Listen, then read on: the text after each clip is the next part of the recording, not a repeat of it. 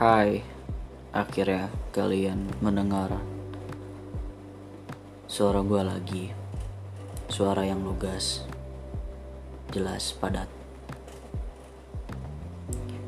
Kali ini gue bakal cerita kenapa akhirnya gue memutuskan untuk membuat podcast gas terus gas ini. Jadi gue buat podcast ini karena rasa gabut gue yang terlalu besar rasa jenuh gue, rasa bosan. Karena di tengah masa pandemi COVID-19 ini, jadi terlalu banyak waktu yang gue buang sia-sia. Jadi akhirnya gue memutuskan untuk mengeksplor diri gue lagi untuk membuat podcast ini.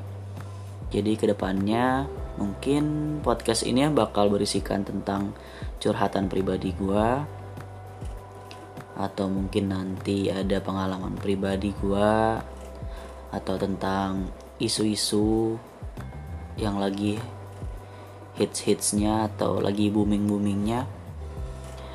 Dan juga mungkin nanti suatu hari bakal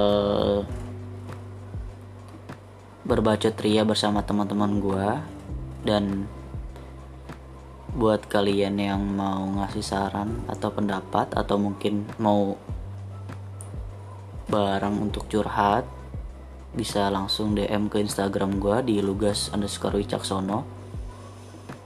Gue harap kalian setelah mendengar podcast gue ini dapat hmm, sisi lain atau sudut pandang baru.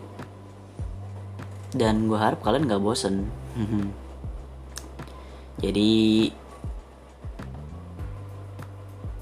terus dengerin podcast ini dan yang terpenting jangan berhenti untuk jadi orang baik.